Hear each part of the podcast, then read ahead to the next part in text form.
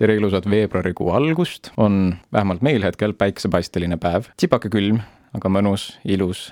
Päikeseloojang on täna väga kaunis. Ja me oleme siin taas arstitudengi Raul Villem Reediga, tere tulemast tagasi.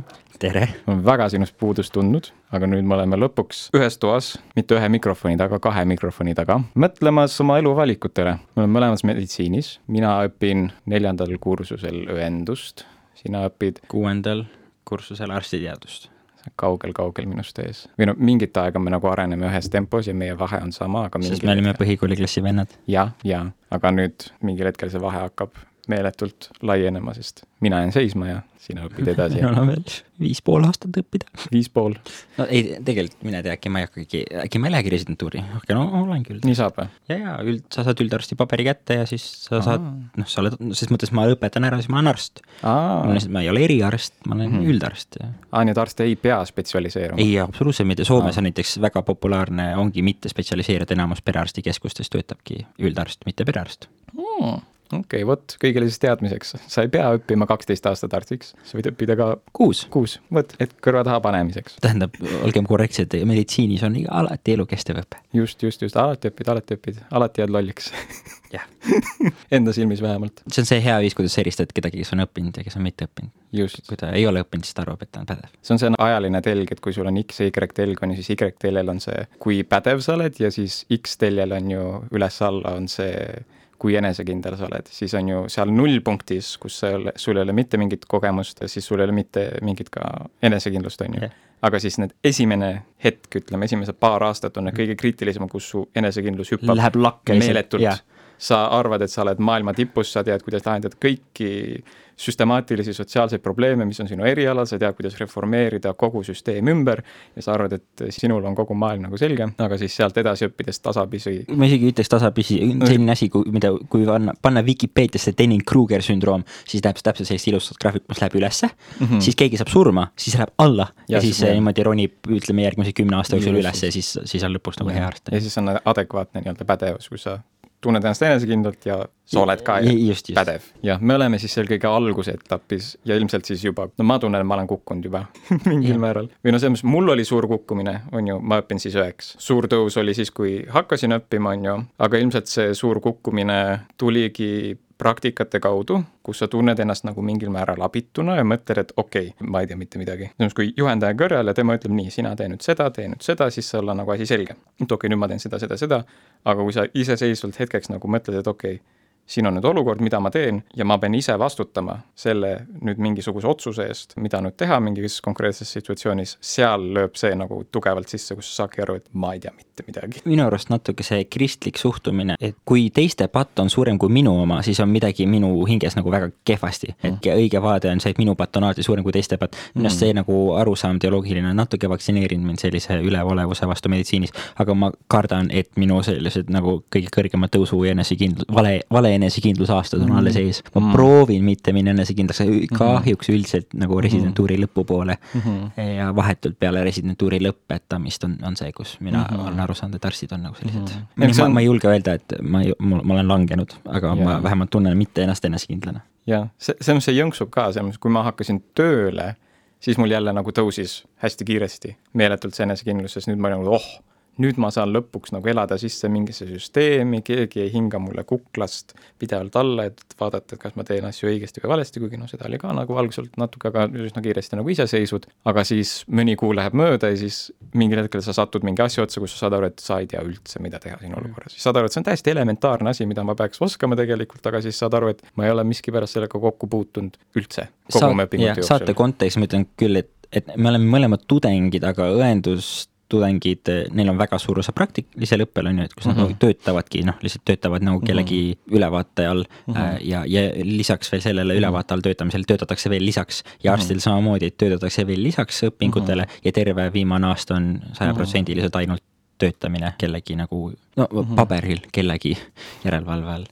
et siis sellepärast on nagu meil kliinilist patsiendi kogemust ka õenduse puhul ma selles mõttes hindangi hästi palju seda, et see on hästi praktiline, sa oled pidevalt kontaktis oma patsientidega, puutub kokku nende hingeeluga, tegelikult ma ütleksin, et õdedega üsna sarnasel latil, vähemalt minu silmis see peaks liikuma selle suunas, on ka põetajad, noh, isegi nende kohta mõndades osakondades öeldakse hooldusõde, no on erinevad kvalifikatsioonid seal nagu niiviisi, ma olen ka näinud seda, et, see põetajate ja õdede kooslus, kes on pidevalt, näevad pealt, mis patsiendiga toimub, tunnevad neid, on ju, lausa ees nimepidi ja niiviisi kogu aeg suhtlevad, mina arstiks väga ei tahtnud õppida just sellepärast, ma kartsin, et ma pean väga selline teoreetiline olema, hõljuma kuskil, on ju, planeerima ravi, helistama, konsulteerima, otsima osakonda, kuhu saata patsient, nii edasi, nii edasi. aga ma tahtsin just seda osa meditsiinist kogeda, kus ma olen pidevalt kontaktis, saan reageerida pidevalt nendele vajadustele, mis nagu patsiendil on.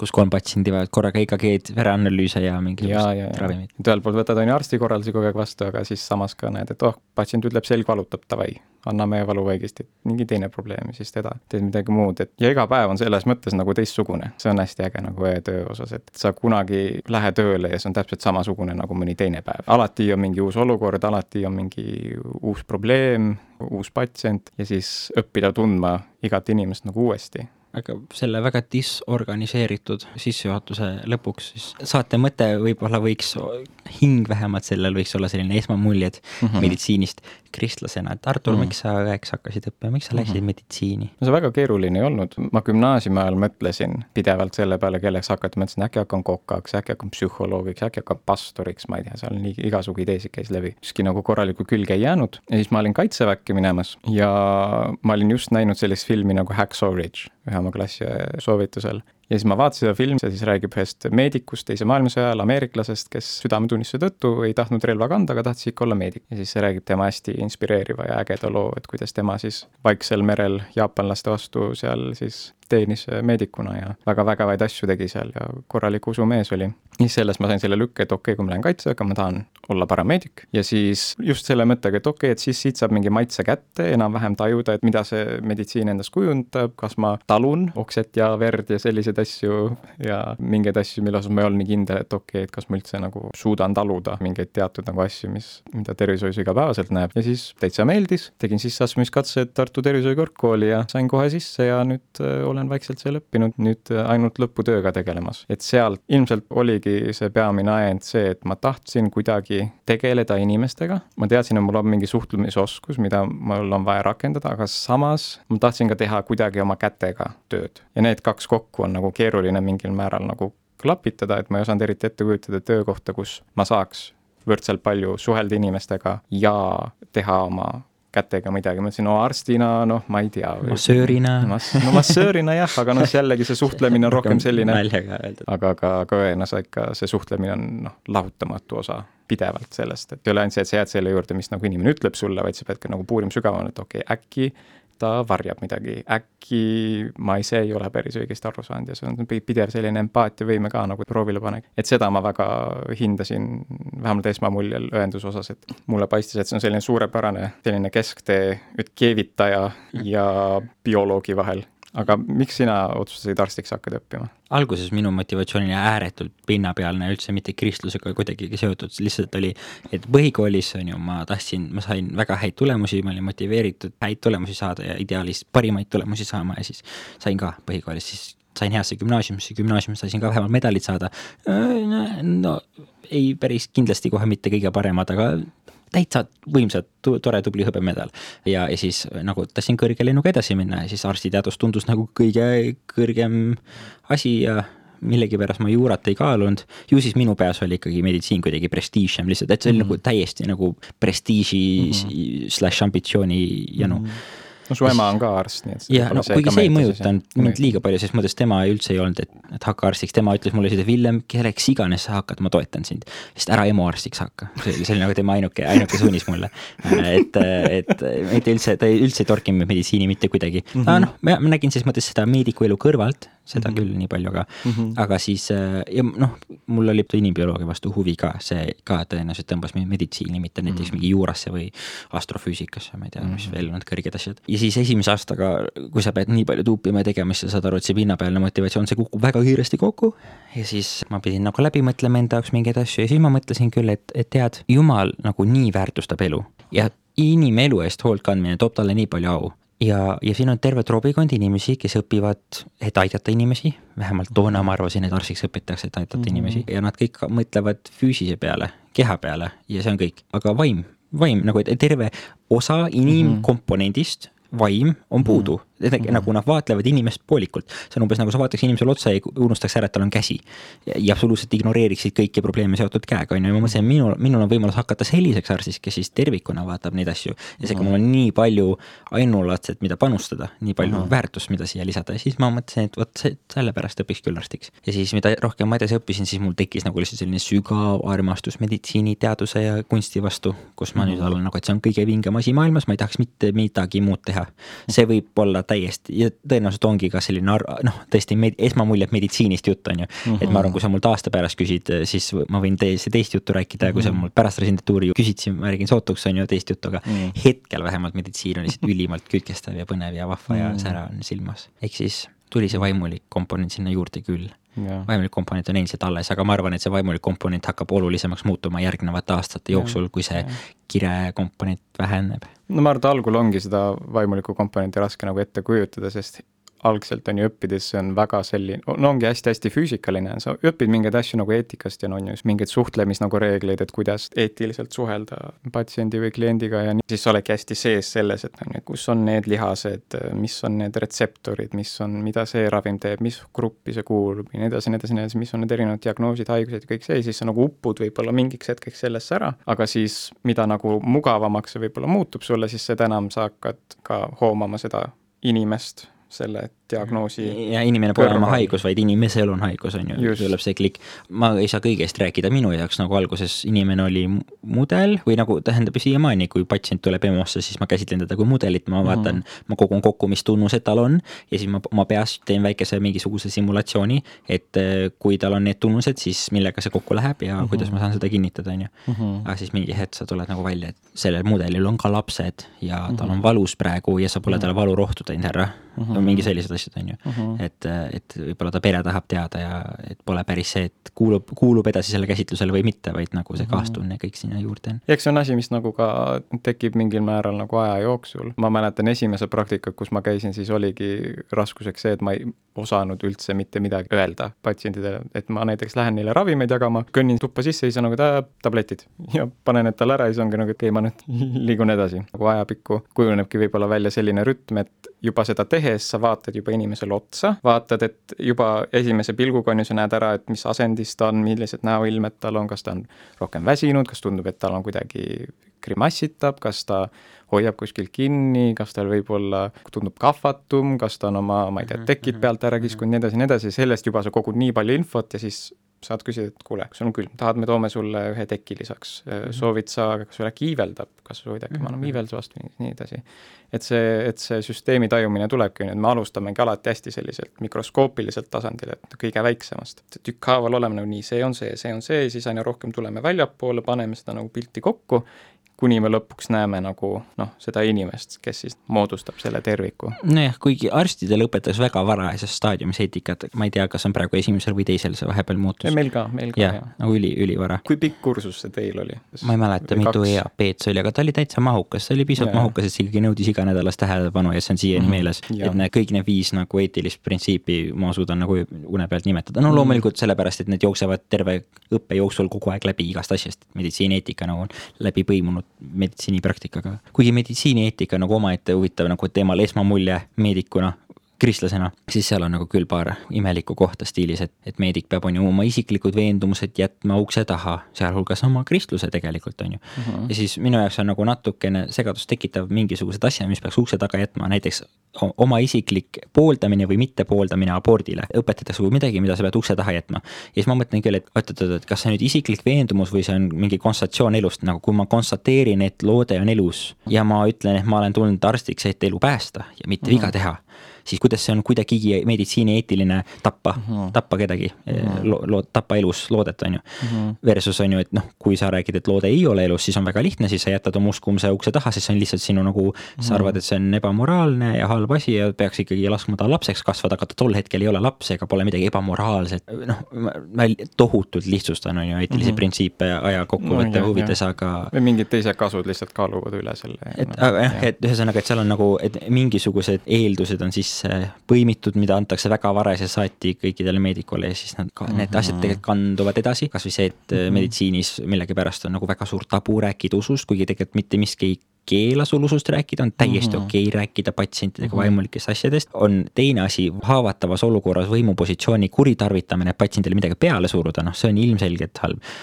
vahet pole, kas see on usk või mingi krüptoskeem lihtsalt rääkida usust patsiendiga, eriti kui nad on oma elu lõpul, et ja nad tahavad, nad tahavad surmast rääkida, sina mm -hmm. töötad palliatiivravis, sa võib-olla teed veel paremini. esmamulje on see, et meditsiinieetika on tšuti kristluse vaenulik, aga kristlased lasevad sellel olla mm -hmm. natuke rohkem vaenulikud, kui see mm -hmm. peaks olema. no võib-olla isegi mitte, et eetika niivõrd on selle vaenulik, kuivõrd lähtutakse lihtsalt teatud nagu hirmust või kartusest et no ilmselt on olnud mingeid olukordi, kus nagu satub tööle mingisuguseid, ütleme, võib-olla fundamentalistlikemaid ja kristlasi selles mõttes, et kes tulevadki tööle selle mõttega, et nemad tahavad kõik usku. jah, jah, jah, ja, et minu eesmärk siin ongi inimesi pöörata usku, mis ei ole selles mõttes noh, ühegi tervishoiutöötaja ei, ei saa olla omaette eesmärk, vaid selles mõttes, et igal juhul sa lähtud iga, igast patsiendist nagu individuaalselt ja kui see võimalus tekib rääkida, siis muidugi sa räägid. et selles mõttes, et sa ei saa keelata patsiendile võimalust rääkida millegist, mis temale isiklikult väga-väga korda käib. see on nagu no,. see on see, kui patsient ise vestlus avab, on ju, aga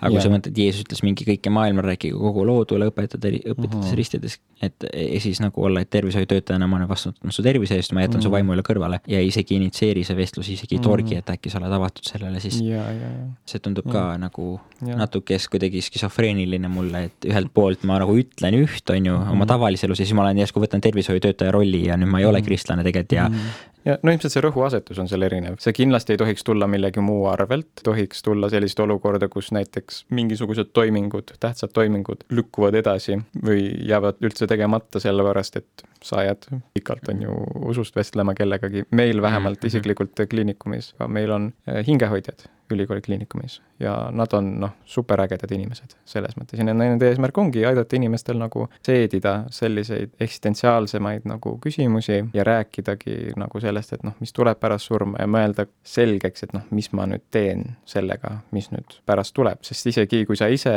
ei koge et sa oleksid valmis pidama sellist vestlust kellegagi, siis sa saad toetuda oma kolleegidele, kes saavad nagu aidata neid vestluseid edasi arendada. ja ma arvan, et sellel on nagu tohutu väärtus, et noh, oleneb osakonnast muidugi, aga et on sellised inimesed olemas, no meie osakonna nagu hingehoidjad on tõesti-tõesti noh, ägedad ja mul endal on ka võimalus olnud nendega paar korda nagu vestelda. ikkagi, kuidas see usk siis tervishoidu peaks mõjutama ka? no kõige tähtsam ilmselt, mida alati saab teha, on see, et sa saad palvetada oma patsientide eest, kas või nagu jooksu pealt et ongi, ma ei tea, sa teed oma asju, sa jagad tablette, aga mingil hetkel sa näiteks istud arvuti taha, teed mingeid päeviku sissekandeid ja siis sa kirjutad kellegist, jääd tema peale mõtlema, siis vaikselt oma südames palvetad tema eest, et issand, halasta tema peale, issand, aita teda. et on ju, või issand, aita teda tõesti nendel hetkedel, lohuta teda, anna talle kuidagi tunda, et, et sa oled olemas. Need sellised hästi haavatavad eluhetked, kus me tunneme väga selgelt, et me oleme haprad, et elu on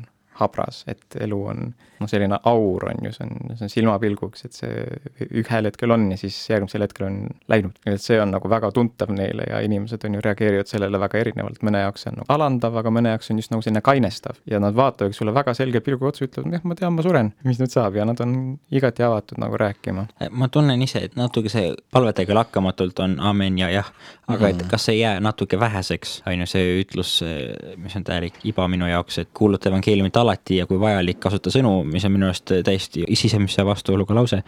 et evangeelium on oma olemuselt on sõnum mm -hmm. ja sa ei saa seda edastada ilma sõnadeta mm. -hmm. see pole nagu mingi konkreetne sõnad, vaid see on nagu mõte mm -hmm. ja sa ei saa mõtet edastada lihtsalt mingisuguse kunstilise tantsuga.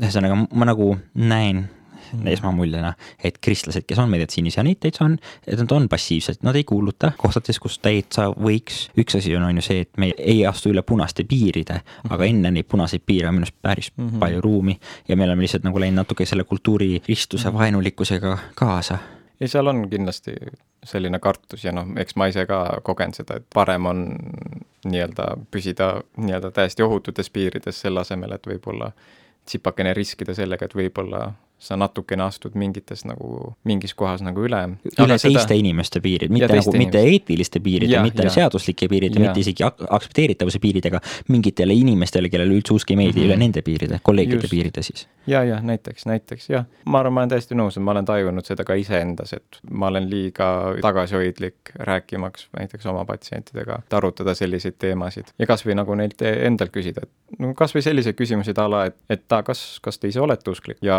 kui nad on, et kui te soovite, et siis me saame nagu luua võimalusi, et te saate näiteks mõne vaimulikuga või pastoriga nagu rääkida. et see ei pea isegi tingimata sina olema, selles mõttes, et iga, ma arvan, tervishoiutöötaja peab tajuma seda, et nemad on need, kes peavad olema kursis sellega, et mis võimalused on nagu saadaval. patsient tuleb osakonda ja tema mõtleb, et okei okay,, siin on need neli nagu seina, siin on see nagu plaan, mis on ette seatud, on ju, arsti või õe poolt, ja see on see päevarütm, noh, selles mõttes enamus patsiente eriti ei julgegi võib-olla isegi küsida midagi juurde, mõne jaoks isegi küsida nagu lisatekki, kui neil on külm, on nagu meeletu vaimne ületamine ja veel vähem on ju öelda nagu, et kuule, et tegelikult ma olen kogu elu mõelnud nagu usu peale, aga nagu tahaks kellegagi rääkida sellest, et kas oleks mingeid võimalusi, et ma saaks rääkida mõne vaimuliku või pastoriga näiteks või niiviisi, sest noh, see on nende töö ka ju. Nende töö ongi, on ju, käia külas haigetel ja niiviisi ja nemad alati teevad seda väga suure heameelega, sest see on praktika, mis on pigem nagu vanemaealiste mm. kätte jäänud, aga ma arvan, neid inimesi, kes tegelikult sooviksid seda, on omajagu. Mm.. seda ma olen ka näinud, kui vaimulikud käivadki osakonnas, aga jah, see ongi koht, kus peab lihtsalt julgema pakkuda mingeid asju, et ongi nagu, et okei okay,, et kas te soovite sellistest asjadest nagu rääkida ja noh, ja sellel on meeletu väärtus ka. isegi kui see tingimata ei saa nagu usust rääkida, siis lihtsalt aidata leevendada mingisuguseid nagu vaimseid ängistusi, sellist nagu isegi üksindustunnet, mis võib olla, no ma mäletan ühte konkreetset patsienti, kellega oligi selline olukord, et tal iiveldas tihti ja me andsime talle nagu rohtu selle iivelduse vastu ja siis see nagu võib-olla hetkeks läks ära, aga ikkagi nagu tuleb ja siis ühel hetkel üks kolleeg nagu küsis talt täpsemalt, oota, aga kirjelda nüüd seda tunnet nagu täpsemalt. siis ta ütleski nagu, et no kuidagi selline rõhuv tunne on nagu siin kuskil nagu rinnus. ja siis see kolleeg jäi temaga lihtsalt natukeseks rääkima niiviisi nagu viisakalt, ja nii edasi, mingil hetkel see patsient lihtsalt nagu tõuseb püsti, kuule, lähme jalutama nüüd. Jalutasid pikalt mööda koridori, muidu ta nagu üldse eriti ei liikunud, aga siis ta ütleski pärast, et kuidagi lihtsalt see vestlus tõi kuidagi mingi nagu lootuse tagasi sisse, mingi nagu elujõulisuse tagasi sisse ja ma arvan, et hea koht, kust nagu alustada, kuidagi aidata elustada mingisugust nagu inimese hingeelu selles mõttes, et kui ta, et ta saaks, ta võib-olla ei olegi kaua aega kogenud seda, et päriselt temaga siiralt üks-ühele räägitakse, et temast hoolitakse, et temale, et teda nähakse nagu inimesena. Ja see ma arvan, on eelduseks selleks, et inimene üldse mõtleb sellistele asjadele produktiivsel viisil, noh, igavikule ja elule ja surmale niiviisi, et ta saab uuesti näha ennast inimesena ja kogeda, et, et oot, ma ei ole lihtsalt minu haigus, ma ei ole lihtsalt minu diagnoos.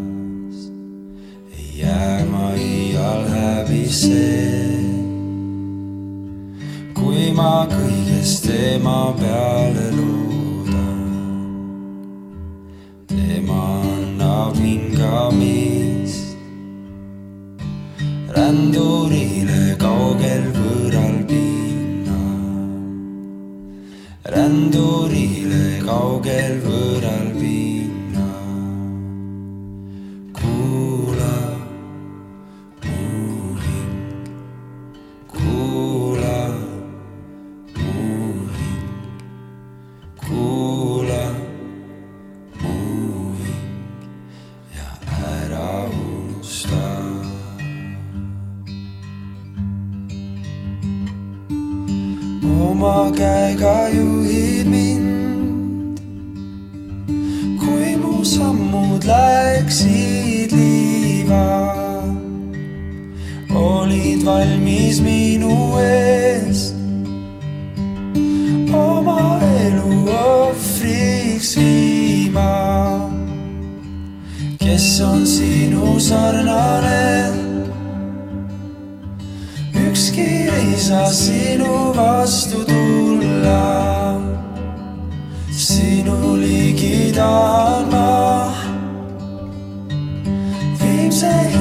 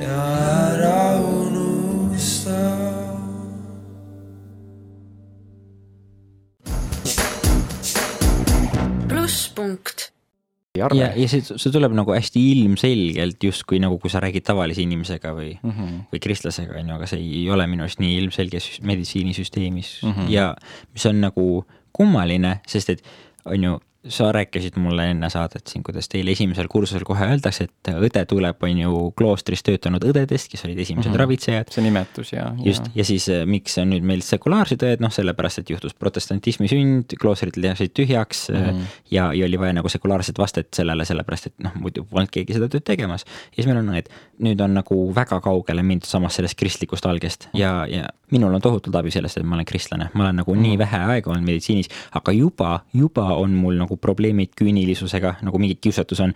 küünilisus on väga levinud meditsiinis, noh stiilis mm -hmm. alkohoolikud on ju.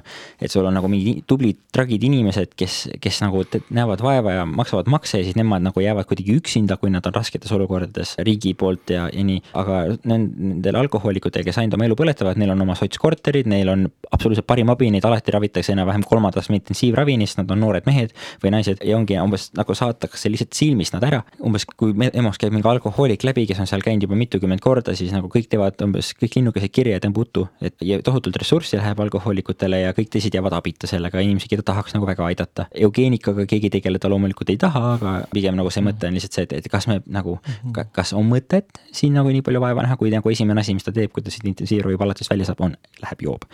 ja, ja sellistes kohtades nagu kristlane olla on nagu nii suur õnnistus mulle, sest et ma nagu näen, et ma ei ole parem kui need inimesed seal ja, ja mul on, tekib nagu mingisugune kaastunne. et ma saan aru, et nema, nende patt on lihtsalt teistmoodi avalduv kui minu patt ja nad on, nad on vangis, nad on oma patu vangis ja nad vajavad hädasti abi. ja ma mäletan eriti ühte patsienti, kes, kellel oli selline nagu so, söögitorus veritsemise sündroom, mis tekib üldiselt alkohoolikutel, kui sa hästi palju oksendad, siis sa oksendad oma söögitoru rebendi ja siis hakkab veritsema massiliselt, Mallory Wise sündroom ja siis nagu ta hakkas, ta hakkas jooma, sellepärast ta lihtsalt oli sügavas depressioonis oma elusündmuste tõttu. ja ta oli korduvalt arsti juures käinud, mitte keegi polnud süübinud tema loosse mm -hmm. ja mitte keegi polnud talle näiteks antidepressanti kirjutanud või lihtsalt rääkinud temaga soe sõna, kuhugi suunatada.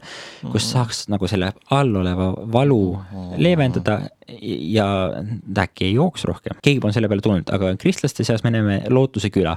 minu arust täiesti ainulaadne fenomen Eestis, mitte kuskil pole sellist käsitlust sõltuvushäiretega patsientidele. aga see isegi meditsiini mingite töötajate arust on nagu mingi imelik asi, sellepärast seal määritakse usku pähe, isegi et nad ei ole sõltlased, kui nad sealt tulevad, aga neile määritakse usku pähe, nii et see on ikkagi halb. mis on mm -hmm. nagu maru kummaline, et ainsad, kes aitavad, on ju, näiteks äh, selle alkohoolikud, aga see AA on ju anonüümsed alkohoolikud, sellega on mingi riiklik koostöö või nii, aga no reaalselt mm. süsteemil pole mingit vastet sõltuvuspatsientidele, meil on nagu, ei no meil on sõltuvusraviosakond ja. ja meil on alkoholhäirete teenus, näiteks Viljandi haiglal mm. on päris lahe ja need ikkagi nagu eeldavad, et inimene tuleb ja aitab ennast ise, kes on haige. me ütleme kristlastena, et patt on meid vangi teinud, Kristus on meid rebinud ahelad ära ja võt-, noh, meid vabaks ja nüüd me saame tulla tema juurde vabaduses mm. -hmm ja siis, aga nemad nagu eeldavad, et jaa, sa oled vangis, aga sa kõnni ise välja sellest. tule ise kabinetti kohale, hakka ise oma samme tegema. ma, ma nagu näen, kui palju usk peaks mõjutama meditsiini ja kuidas see on täiesti sisse kirjutatud mm -hmm. meditsiini, alguses oligi ja nüüd see on kadunud ja mm, -hmm. ja mind teeb natuke kurvaks, et, et kristlased tunduvad olevat passiivsed, mina ise sealhulgas täiega, nagu ma ise näen ka, kuidas ma lihtsalt nagu ostan ka selle vale endale, et me usust ei tohi rääkida mm. -hmm. Õnneks mulle vähemalt tundub, et asi liigub selles mõttes, no küll aeglaselt, aga siiski selles positiivses suunas, et ma arvan, et see kartlikkus usust rääkimise osas ja mingite selliste teiste asjade osas osaliselt on selline nõukogudeaegne pärand, et noh, meie kõige kogenum kontingent tervishoius on jätkuvalt nõukogude ajal oma hariduse saanud, ütleme kümne-kahekümne aasta jooksul alles jõuame sinna punkti, kus kõik, kogu tervishoid on, on ju, koosneb nendest inimestest, kes on saanud siis nagu taasiseseisvumise ajal, aga siiski see pärand on seal, see mingid teatud nagu mõtteviisid, mis ongi selline, ütleme võib-olla materialistlik ja niiviisi, aga mulle paistab, et asi ikkagi liigub aina rohkem selle suunas, kus me üritame siiski käsitleda inimest kui ihu ja mhm. vaimu. kahjuks palju aeglasemalt kui teised riigid selles mõttes, et noh, töötades palliatiivravis, siis paari asja on olnud nagu üsna šokeeriv õppida, näiteks Eesti riik ei rahastanud hospiitsravi kahe tuhande üheksateistkümnenda aastani. Eestil ei olnud oma riiklikku hospiitsraviprogrammi, sellega tegeles äh, Tallinna Diakoonia haigla, mis oli mingitest Saksa erarahadest rahastatud päris pikka aega, võib-olla mingi isegi noh, kuni kakskümmend aastat umbes, et see oli täiesti nagu eraettevõtmine, äh, puhtalt nagu välisrahadega ja väga-väga tänuväärt töö, aga alles siis vähem kui viis aastat tagasi taheti üldse kinni panna, see on ju. ja nii lihtsalt rahad otsa ja siis oligi, et PERH, äh, Põhja-Eesti Regionaalhaigla võttis nad ikkagi enda alla, aga samal ajal Lätis ja Leedus näiteks on olemas juba laste palliatiivravi näiteks. ja noh, palliatiivravi oma olemuselt ongi see, et tagada talle mugavus, tagada talle sümptomite leevendamine sellel tasandil, et sa aitad inimesel valmistuda ette surmaks, mitte lihtsalt füüsiliselt ravida haigust pidevalt. Eestis ka on ju patsiendi testament on asi, mis, mis järjest jõudsamalt tuleb ja antud valitsuse koalitsioonilepingus on isegi sees, et nad tahavad nagu selgemalt selle mm -hmm. nagu norm-, normaliseerida põhimõtteliselt patsiendi testamendi ja teha vajalikud õigusaktid, aga see on -hmm. ilmselt minu arust nagu mateeria käsitlusest läbi autonoomia printsiibi. et -hmm. mina, kõige suurem jõud on see, mida inimene tahab, on ju, naine tahab, et tema kehas ei oleks last, seega mhm. abort on okei okay, mm, -hmm. sama printsiip kandub siia, inimene tahab, et tema elu lõpus tehakse nõnda, siis tema autonoomia on nagu ülim aga selline nagu hingehoidlik või vaimulik asi on seal väga tugevalt sees õnneks mm, -hmm. aga, aga nagu ütleme nii, et see pole, see on sisse sinna iseennast, ennast pressinud, see pole nii-öelda sisse kirjutatud hetkel. oma asi on loomulikult -hmm. kas riik peakski kirjutama vaimuliku elu sisse kuhugi, võib-olla see on täiesti nagu õige, et mm -hmm. need süsteemid nagu hoiavad vaimuliku sfäärist eemale, siis mm -hmm. see pole võib-olla üldse nende roll, on ju. kas meedikul on siis jumalale autoovam kui muud ametid? ma ütleks küll, et on, mitte et ta oleks tingimata tähtsam või vajalikum kui muud nagu tööd, aga ma arvan, et üks kõige tähtsamaid, ütleme, varasid, et me noh, elu üldiselt on ju kõige suurem kink, mis Jumal meile on andnud, see, et me saame elada ja tegutseda ja kasutada äh, seda äh, viisil, mis nagu toob Jumalale au ja on tema silmis hea, aga ma arvan, kõige suurem vara asi, mis meie kätes on, objektiivselt nähtavalt, on meie tervis. sest tervis selles mõttes mingil määral määrab selle, kuivõrd me oleme võimelised tegutsema, kuivõrd me oleme võimelised äh, selgelt äh, mõtlema, kuivõrd me oleme võimelised aitama oma ligimest ja selle poolest õde või arst kui inimene, kes pühendab oma elu selleks, et tema ligimese tervis oleks hea, tähendab seda, et nemad võimestavad inimesi austama Jumalat oma ihu läbi, heas mm. tervises. ja ma arvan, et see on üks, kuna see on üks tähtsamaid asju elus, hea tervis, mitte et sa ei saaks elada head elu kehva tervisega, lihtsalt see on raskendatud ja sa oled väga piiratud selle poolest, mida sa saad teha.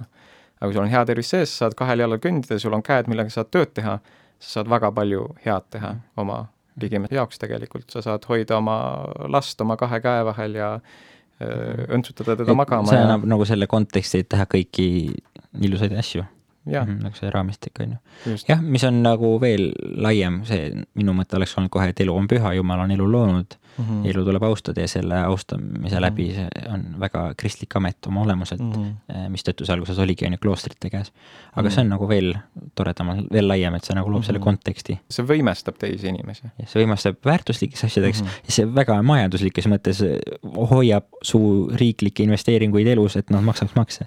et selles mõttes nagu vahet, vahet pole, mis pidi sa vaatad, see nagu majandus annab inimestele asju, mis on omamoodi nende teenimine, on ju. ja selles mõttes äh, isegi üks evangelistidest on ju, oli arst mm, -hmm. Püha Luukas, kes kirjutas siis on ju nii Apostlite tegude raamatu kui ka Luuka evangeeliumi. tema oli arst ja noh, paistab ikka väga hea arst ja arstide amet on ka näiteks apokrüüfides, seal on see Jeesus Siiraki tarkuse raamat, siis seal on vist terve peatükk või lausa kaks, mis on peaaegu selline nagu ülistuslaul Arstile. arstidele yeah.. ja Siiraki kolmkümmend kaheksa peatükk suurepäraselt äh, räägib, miks arst on, on ju tähtis, algab sõnadega, et austa arsti, sa ju vajad teda austusega, mis temale kuulub, sest issand on loonud ka tema. sest terveks tegemine tuleb kõige kõrgemalt ja arst saab kingitusi kuningalt. arsti oskus tõstab tema pea püsti ja teda imetlevad suured isandad. issand laseb maast võrsuda ravimtaimi ja mõistlik mees ei põlga neid. ja sinna konteksti nagu natuke haakub ka sisse see, et kui inimesed ütlevad, et ei, ma ei lähe arsti juurde, see on mm., siis ma ei usu jumalasse, et ma pean palvetama oma haiguse minema, ma ei tohi arstile pöörduda. selline asi. sest tegelikult me näeme ju Jeesuse mäeütluses ka, et ütleb, et jumal laseb oma päikest tõusta nii õelate kui ka kurjade peale. see on mm -hmm. mingi mhm. teatav arm, on ju. ja see on eraldi arm, mis on see, mis on neile, kes on päästetud, kahte tüüpi arm, üldine arm, spetsiifiline arm päästetutele, et, et nagu üldine arm, meditsiin on üldine arm ja ma, ma vastan omaenda tõstetud küsimusele ühesõnaga kohe ära. jah, arstile võib pöörduda oma haigusega, sest see on jumala üldine arm, jumal ongi andnud meditsiini meile, meditsiiniteadmised meile, see kõik on jumalalt, see kõik toob talle au mm. -hmm. ja, ja kui me saame terveks läbi meditsiinisüsteemi, siis see pole kuidagi jumala au äravõtmine. vastupidi, see on natuke jumala pilkamine, kui me ütleme, et jumal, ma tahan, et sa tervendaksid sellisel viisil, nagu mina dikteerin, ma tahan, et ma saaks palvetades terveks. aga ma ei taha arstile minna, sellepärast mm -hmm. ma arvan, et kuidagi nii ma olen püham, nii ma saan ennast mhm. tunda spirituaalsemalt, keegi ei mõtle mm -hmm. niimoodi, aga tegelikult tegelikult see suhtumine, kui seda mhm. natukene lahata, on täpselt see mm. -hmm mina mm. dikteerin Jumalale, kuidas ta mind tervis, sest mulle ei sobi tema üldine arm. kes iganes kuulajatest mõtleb, et ta ei taha arstile pöördudes, ei, ei ole usk, siis äh, teid on eksitatud kellegi kas pahaimamatu või pahatahtliku inimese poolt. ja siinsamas, selles samas peatükis, ma nüüd siin kaheteistkümnendas salmis ütleb, ma arvan, vastab sellele ka väga hästi, ütleb, et ka arstile anna võimalus, sest issand on loonud ka tema ja ära hoia teda enesest eemal, sest temagi on vajalik. on aegu, millal abi on nende käes sest ka nemad paluvad issandat, et neil õnnestuks leevendus ja ravi, et säilitada elu. kes pattu teeb oma looja ees, see jõudku arsti kätte alla nojah, on ju, see on apokrüüfid, mis protestantidele võib-olla pole suur autoriteet, aga ka protestantidel on see kasulik lugemine, on ju, öeldakse apokrüüfi kohta, et pole pühakirjaga, on kasulik, katoliikina ütleks pühakiri. aga iga, igal juhul hea autoriteet. See väljendab siin väga kaunist, et sest ka nemad paluvad issandat, et neil õnnestuks leevendus ja ravi, et säilitada elu. see ongi, muidugi või mõni võib vastata selle, et et aga enamus arstid ei ole kristlased, enamus arstid nagu ei palu Jumalat. kui sa satud, meditsiiniinimesed on väga professionaalsed, kui meis on mingi sisemine paanika või me mõtleme, et oot, mis me nüüd teeme, siis me üritame jätta võimalikult professionaalse mulje, et mitte nagu tekitada paanikat ka patsiendis. et appikene, mis siis toimub, aga noh, igas, igal juhul asi on noh, kõik on protsess ja igal juhul jõutakse lahendusele ja siis proovitakse lahendada iga olukord, ükskõik kui keeruline see on.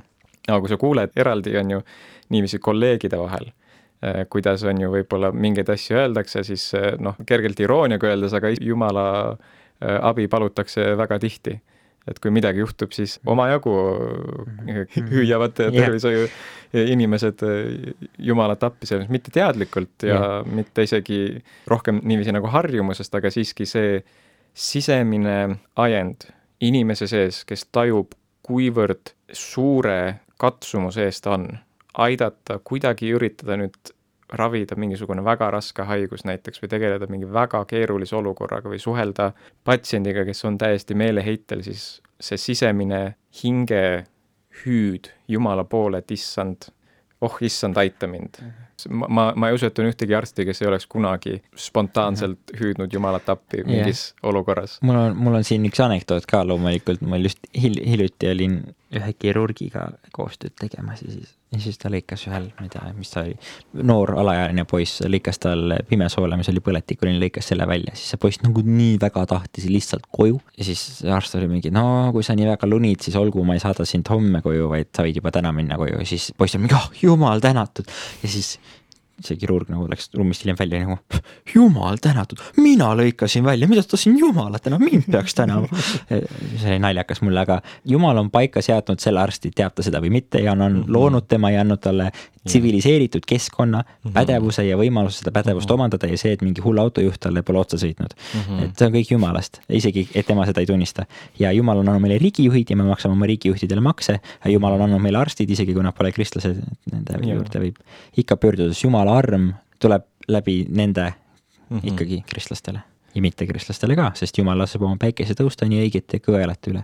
just, just. ja Jumal hoolib kogu oma loodust. tema armastus selles mõttes on tingimust, et, et tema ikkagi soovib in igale inimesele kõige, kõige paremat ja seda ka meie tervisele tegelikult, niivõrd kui, kui see on võimalik. kõik see nagu öeldud, siis kristlasi sellegipoolest on väga vaja tervishoidu. loomulikult on omajagu kristlasi, kes lähevad sinna ja ma arvan, et proportsionaalses mõttes võib-olla kristlaste seas on isegi rohkem põetajaid, õdesid, arste, kui, kui võib-olla üldise elanikkonna seas on ju. aga siiski meid kristlasi juba niigi on üsna vähe ja võib-olla isegi pigem jääb nagu vähemaks meid. aga minu meelest üks põhjustes, miks on tähtis ikkagi, et kristlasi oleks, on, et oleks alati neid, kes näevad neid kannatajaid näevad neid, kes vajavad Jumala abi, kes vajavad lootust, kes vajavad meie palveid ja kes ka oskaksid palvetada otse nende eest, et noh, erinevate kirikute liturgiates alati iga pühapäevaselt, isegi võib-olla igapäevaselt, on sees ka palved, on ju haigete eest, on sees palved surijate eest, aga see on ikkagi omaette asi, kui ini-, kristlane ise teab kedagi, kes on haige mhm. ja teab nimepidi palvetada ja... selle inimese eest. ja see ei ole võimalik, kui me ei ole seal nende juures. ja ma veel lisaksin teise poole, et mitte ainult patsientide jaoks, aga, aga meditsiinipraktikute enda jaoks ka. Mhm. praegu ma olen EMO-s tsüklis ja, ja siis ma nagu suhtlen rohkem kiirabitöötajatega ja erinevate arstidega ja mm -hmm. neil kõigil on parajad armid. nagu üks arst on niimoodi, et nagu ta, ta oli keskkonnas, kus patsiendid nagu ründasid personali ja siis tal on endiselt mingid trigger'id, mille peale ta nagu ise tajub patsiendi rünnakut, isegi kui see ei pruugi rünnakut olla ja kiirabiga nad nagu näevad nii metsikuid asju, et siis on nagu väga hea, kui on keegi, kes nagu suudab hoida lootust ja olla lahke ja hea mm -hmm. ja mitte olla endas mm -hmm. väljas, mitte olla nii-öelda käitumishäirega, vaid, vaid olla nagu toeks inimesed, kes puutuvad palju surmaga kokku, neil on nagu endal ka vaja, et oleks keegi, mm. kes hoolib kõrval. ma olen täiesti nõus sellega, et selles mõttes äh, aitajad vajavad ka aitajat, selles mõttes, et me kõik jääme mingil hetkel haigeks, me kõik oleme noh, iga arst ja õde on sama, samavõrd inimene kui need inimesed, keda nad ka ravivad. me lihtsalt juhtumisi oleme enamus ajast piisavalt heas tervises, et aidata teisi mm. -hmm. või ei ole, aga me ikka teeme seda miskipärast mm -hmm. ja ei ole nõus puhkusele minema yeah. et seda, see on ka kahjuks selline halb komme, mis noh, tuleneb peamiselt tööjõupuudusest ja muudest nagu asjaoludest, mis mm -hmm. vajavad lahendamist, aga aga jah, seda ma selles mõttes olen ka näinud, et see, kellega koos sa töötad, on nii tohutult määrav selles, kui hästi sa ise suudad oma tööd üldse teha ja kuivõrd nagu sa oled võimeline nii-öelda sirutuma kõrgemale nii-öelda sellisest absoluutsest miinimumist ja nagu päriselt ise ka reageerima tegema asju, mis võib-olla otseselt ei ole sinust nagu eeldatud isegi, vaid aga siiski on väga kasulik sinu patsientidele. ja selleks on vaja kolleege, kes, kellega sa naudid töötamist, kellega on rõõmus koos töötada, kes ei ole nagu selles mõttes lootust kaotanud ja lihtsalt nagu rusuvad läbi igast päevast. et äh, kristlased kui sellised, selles mõttes neil on võimalus olla selliseks valguseks igas olukorras, kus mitte heita meelt, kus võib-olla mõni heidaks meelt ja mitte ärrituda seal, kus tavaline inimene ärrituks ja kuulata ära ja mõista seal, kus mõni inimene mõtleks, et see inimene, siin polegi midagi mõista. ja ma arvan, et tavaline tervishoiutöötaja vajab samavõrd sellist hingehoidu ja mõistmist nagu keskmine patsient isegi, sest me kanname mm -hmm. sedasama nagu valu mingil määral endaga kaasa. no me oleme üks... täpselt samasugused inimesed nagu kõik patsiendid, isegi et vahepeal millegipärast nagu abiandja, abisaaja suhtes see kaob ära ka tegelikult ju. noh, see teeb, kui patsiendid sõimavad EMO-s, miks ma pidin nii kaua ootama, siis see ei ole nagu mingisugusele seinale, vaid see, see jääb nagu, see mm -hmm. vaevab mm, -hmm. see on nagu et ja, ja. ma ei, ma ei, ma ei tahtnud, et sa peaksid kolm tundi ootama, vabandust, mul lihtsalt oli ja. nagu surnuks veritsev naine ja siis oli mees, kes umbes murdis jalaluu ja vajas mm. hädasti valuravi, mis iganes on ju, et see polnud mm. nagu, et ma tahan, et sa oma küünekesega pead siin ootama. isegi täiesti süütud asjad, et sa natuke kohmitsed ja on veidike kehvem päev ja patsient küsib sult, et kuule, kas sa oled esimest päeva tööl võib isegi täiesti süütult olla mõeldud, aga vahepeal võib seda väga südamesse mõelda, võtta ja mõelda, et appikene, ma olen täiesti mõttetu inimene miks ma üldse teen seda tööd, et jaa, on tervik, see on, kõik on tervik ja äh, me oleme kõik inimestena osa ühiskonnast. kokkuvõttes oleme üsna noored eh, meditsiinisüsteemis uh. -huh. arvame, et see on täiega jumala laudav amet uh. -huh. arvame, et usk on nii hädavajalik, et olla meedik. väga head arstid on kõik kristlased arstid ja kristlased õed on täiesti fantastilised kõik, keda -huh. kellega mul on au olnud koos töötada. see annab väga palju juurde olla kristlane meditsiinis, võiks isegi julgemini välja elada seda. -huh. ja see on väga audav amet Jumalale. põhimõtteliselt on meie esmamuljed kokku võetuna.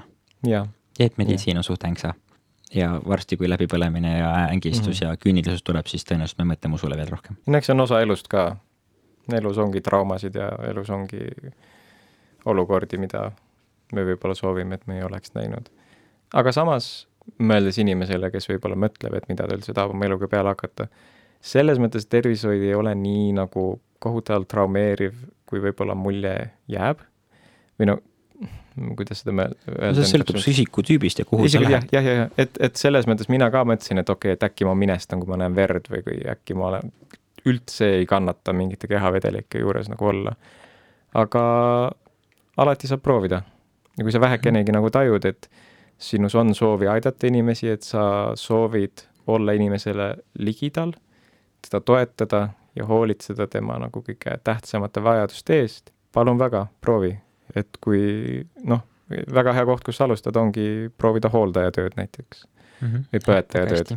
et äh, minu esimene töö oligi, no esimene töö oli desinfitseerida isolaatorid, aga sealt edasi ma kohe läksin äh, hooldajaks edasi ja see selles mõttes, sul ei ole selleks nagu noh, sa ei pea kooli minema eraldi selleks, saama eraldi nagu haridust, aga see on siiski, sealt sa saad selles mõttes enam-vähem selle pildi kätte, et mida näha ja kogeda saab seal et selles mõttes mina julgustaks igal inimesel, kes vähegi kahtlustab endas mm -hmm. seda hullumeelset mõtet mm -hmm. minna tervishoidu tööle, et ikka minna, sest see on ka väga tasuv nõus. arstiteaduses ma näen, et on väga selged arenguetapid, nagu sa tajud inimese suhtumist ära, kas ta on esimesel, teisel kursusel, teisel, neljandal või kolmandal, neljandal kursusel või ta on juba viienda kursuse peal uh, -huh. et, et nagu see, nagu see, kuidas nad elu näevad, kuidas nad räägivad meditsiinis, see on kõik nii erinev, nii et -huh. ma ei saa, mm. taha midagi öelda, sest minu arust see areng on loomulik ja see on väga hea. ja, ja see võikski olla ja, ja see särasim naiivsus, mis alguses on, mis tõenäoliselt mingil kujul, mingil teisel kujul on ka minus et see on nagu hea, on ju, nii et ma ei, ma ei kommenteeri, kas tulla arsti või mitte, et ja kui raske see on või nii, aga mm -hmm. ma mhm. lihtsalt jah, tähendab, raske töö on, aga on täiesti võimalik teha sellisel viisil, et jääd ellu, ei ole vaja pooleteist kohaga rügada ja ennast läbi põletada mm. -hmm. tõesti on väga lahe, väga vinge, kui sa läbi elad, üle elad selle õpinguperioodi, siis see on nagu tohutult fantast ja siis on raskem osa alles ees, aga jällegi sa saad seda teha ennastsäästvalt. ja kui sa oled kristlane, siis sellest on väga suur abi. ja kui sa oled mees ja kui sa oled mees, siis äh, õendusse oodatakse teid meeletu, meeletu innuga. sisseastumised on avatud. ja see on peamine kommentaar, mis ma alati saan, kui ma lähen kuhugi, olin praktikal käinud või tööl kuskil, et mehena sa saad alati õena tööd. meesõdesid alati soovitakse. no tead, meditsiinisüsteemis on sisesta mis iganes roll, sa saad igal juhul selles rollis tööd, et ma ei tea, ma ei tea ühte asja, ainsumatki rolli meditsiinisüsteemis, kus oleks nagu liig. ja ainsad kohad, kus nii-öelda on liig, siis see liig on tehislik. näiteks mingi, ma ei tea, plastikakirurgid või dermatoloogid, seal on nagu tehislik see, see, et nad ei võta nii palju vastu, aga mm. defitsiit on igal pool, kõigil mm. saad tööd nagu. A blanket of black and solitude to face the silence. My lover's quiet, escape the pain of three words against my senses. The chaos wars, wars of seeing, hearing, and speaking. Wars of seeing, hearing, and speaking, constant wars in the